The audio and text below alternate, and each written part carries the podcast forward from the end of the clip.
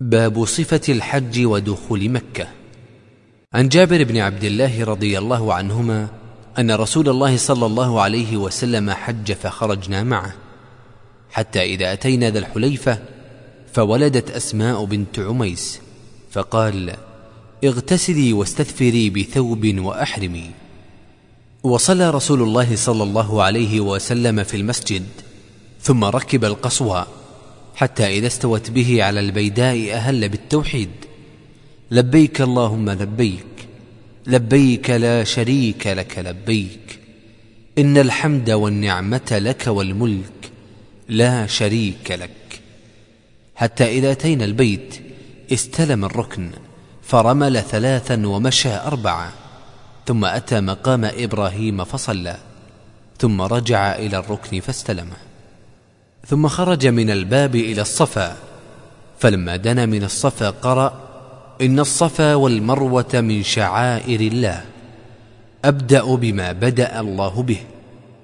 فرقي الصفا حتى رأى البيت فاستقبل القبلة فوحد الله وكبره وقال لا إله إلا الله وحده لا شريك له له الملك وله الحمد.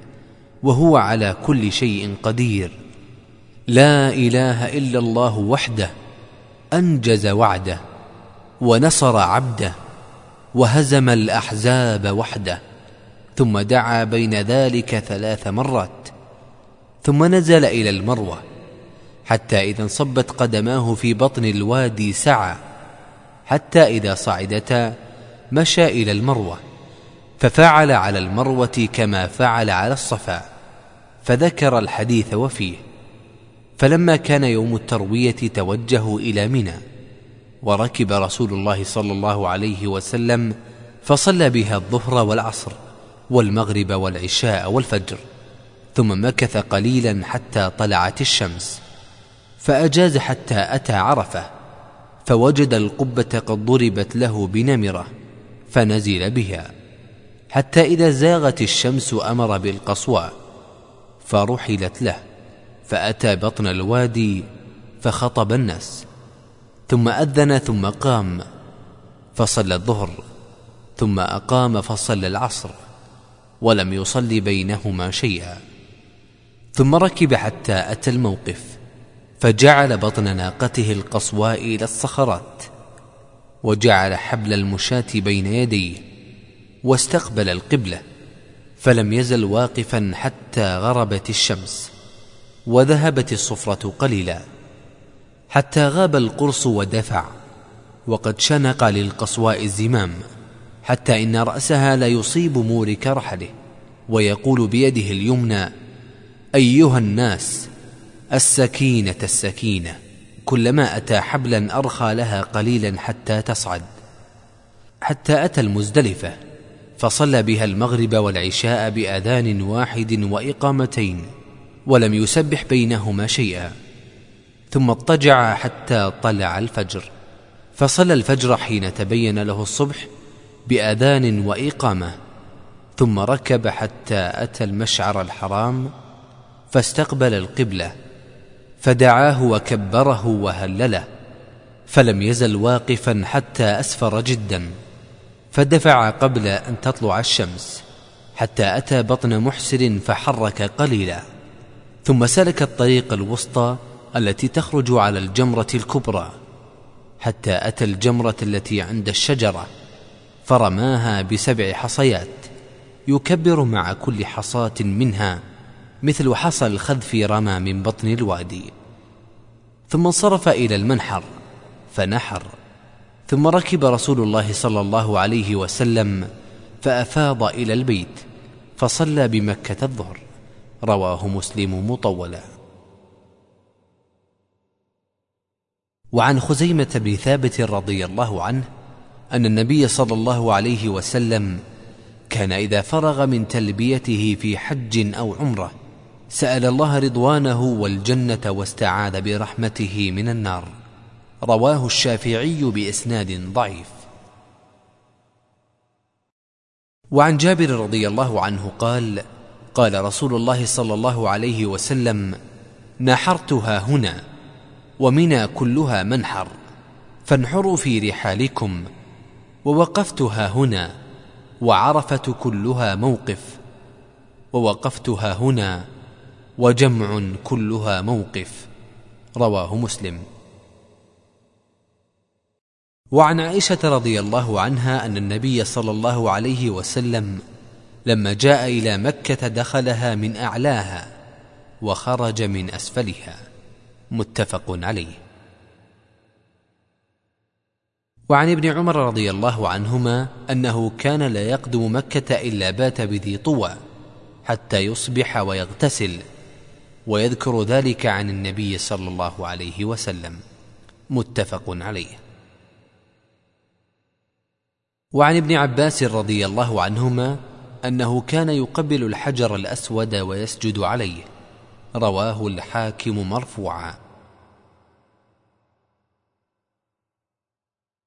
وعنه قال أمرهم النبي صلى الله عليه وسلم أن يرملوا ثلاثة أشواط ويمشوا اربعا ما بين الركنين. متفق عليه. وعنه قال لم ار رسول الله صلى الله عليه وسلم يستلم من البيت غير الركنين اليمانيين. رواه مسلم. وعن عمر رضي الله عنه أنه قبل الحجر الأسود فقال إني أعلم أنك حجر لا تضر ولا تنفع. ولولا أني رأيت رسول الله صلى الله عليه وسلم يقبلك ما قبلتك. متفق عليه. وعن أبي الطفيل رضي الله عنه قال رأيت رسول الله صلى الله عليه وسلم يطوف بالبيت ويستلم الركن بمحجن معه ويقبل المحجن. رواه مسلم. وعن يعلى بن أمية رضي الله عنه قال طاف النبي صلى الله عليه وسلم مطبعا ببرد أخضر. رواه الخمسة إلى النسائي. وعن أنس رضي الله عنه قال كان يهل منا المهل فلا ينكر عليه ويكبر منا المكبر فلا ينكر عليه. متفق عليه. وعن ابن عباس رضي الله عنهما قال بعثني رسول الله صلى الله عليه وسلم في الثقل أو قال في الضعفة من جمع بليل وعن عائشة رضي الله عنها قالت استأذنت سودة رسول الله صلى الله عليه وسلم ليلة المزدلفة أن تدفع قبله وكانت ثبطة تعني ثقيلة فأذن لها. متفق عليهما. وعن ابن عباس رضي الله عنهما قال قال لنا رسول الله صلى الله عليه وسلم لا ترموا الجمرة حتى تطلع الشمس. رواه الخمسة إلا النسائي. وعن عائشة رضي الله عنها قالت أرسل النبي صلى الله عليه وسلم بأم سلمة ليلة النحر فرمت الجمرة قبل الفجر ثم مضت فأفاضت. رواه أبو داود. وعن عروة بن مضرس رضي الله عنه قال قال رسول الله صلى الله عليه وسلم من شهد صلاتنا هذه يعني بالمزدلفة فوقف معنا حتى ندفع. وقد وقف بعرفة قبل ذلك ليلا أو نهارا فقد تم حجه وقضى تفثه. رواه الخمسة. وعن عمر رضي الله عنه قال إن المشركين كانوا لا يفيضون حتى تطلع الشمس ويقولون أشرق ثبير. وأن النبي صلى الله عليه وسلم خالفهم ثم أفاض قبل أن تطلع الشمس. رواه البخاري. وعن ابن عباس وأسامة بن زيد رضي الله عنهم قالا لم يزل النبي صلى الله عليه وسلم يلبي حتى رمى جمرة العقبة. رواه البخاري. وعن عبد الله بن مسعود رضي الله عنه أنه جعل البيت عن يساره ومنا عن يمينه ورمى الجمرة بسبع حصيات وقال هذا مقام الذي أنزلت عليه سورة البقرة. متفق عليه. وعن جابر رضي الله عنه قال رمى رسول الله صلى الله عليه وسلم الجمرة يوم النحر ضحى وأما بعد ذلك فإذا زالت الشمس. رواه مسلم. وعن ابن عمر رضي الله عنهما أنه كان يرمي الجمرة الدنيا بسبع حصيات يكبر على إثر كل حصاة ثم يتقدم ثم يسهل فيقوم فيستقبل القبلة فيقوم طويلا ويدعو ويرفع يديه ثم يرمي الوسطى ثم يأخذ ذات الشمال فيسهل ويقوم مستقبل القبلة ثم يدعو فيرفع يديه ويقوم طويلا ثم يرمي جمرة ذات العقبة من بطن الوادي ولا يقف عندها ثم ينصرف فيقول هكذا رأيت رسول الله صلى الله عليه وسلم يفعله. رواه البخاري. وعنه أن رسول الله صلى الله عليه وسلم قال اللهم ارحم المحلقين. قالوا والمقصرين يا رسول الله. قال في الثالثة والمقصرين. متفق عليه. وعن عبد الله بن عمرو بن العاص رضي الله عنهما أن رسول الله صلى الله عليه وسلم وقف في حجة الوداع فجعلوا يسألونه فقال رجل لم أشعر فحلقت قبل أن أذبح. قال اذبح ولا حرج. فجاء آخر فقال لم أشعر فنحرت قبل أن أرمي. قال ارم ولا حرج. فما سئل يومئذ عن شيء قدم ولا أخر إلا قال افعل ولا حرج. متفق عليه. وعن المسور بن مخرمة رضي الله عنهما أن رسول الله صلى الله عليه وسلم نحر قبل أن يحلق. وأمر أصحابه بذلك. رواه البخاري. وعن عائشة رضي الله عنها قالت قال رسول الله صلى الله عليه وسلم إذا رميتم وحلقتم فقد حل لكم الطيب وكل شيء إلا النساء رواه أحمد وأبو داود.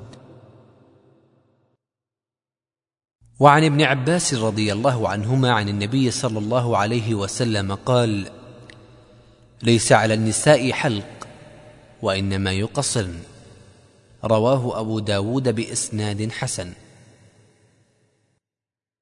وعن ابن عمر رضي الله عنهما أن العباس بن عبد المطلب رضي الله عنه استأذن رسول الله صلى الله عليه وسلم أن يبيت بمكة ليالي منى من أجل سقايته فأذن له متفق عليه. وعن عاصم بن عدي رضي الله عنه أن رسول الله صلى الله عليه وسلم أرخص لرعاة الإبل في البيتوتة عن منى يرمون يوم النحر ثم يرمون الغد ليومين ثم يرمون يوم النفر رواه الخمسة وصححه الترمذي. وعن أبي بكرة رضي الله عنه قال خطبنا رسول الله صلى الله عليه وسلم يوم النحر. الحديث متفق عليه. وعن سراء بنت نبهان رضي الله عنه قالت خطبنا رسول الله صلى الله عليه وسلم يوم الرؤوس فقال أليس هذا أوسط أيام التشريق؟ الحديث رواه أبو داود بإسناد حسن. وعن عائشة رضي الله عنها أن النبي صلى الله عليه وسلم قال لها طوافك بالبيت وبين الصفا والمروة يكفيك لحجك وعمرتك. وعن ابن عباس رضي الله عنهما أن النبي صلى الله عليه وسلم لم يرمل في السبع الذي أفاض فيه رواه الخمسة الا الترمذي. وعن أنس رضي الله عنه أن النبي صلى الله عليه وسلم صلى الظهر والعصر والمغرب والعشاء ثم رقد رقدة بالمحصب ثم ركب إلى البيت فطاف به رواه البخاري. وعن عائشة رضي الله عنها أنها لم تكن تفعل ذلك أي النزول بالأبطح وتقول إنما نزله رسول الله صلى الله عليه وسلم لأنه كان منزلا أسمح لخروجه. رواه مسلم.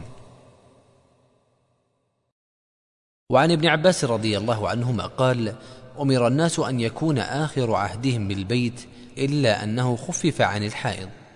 متفق عليه.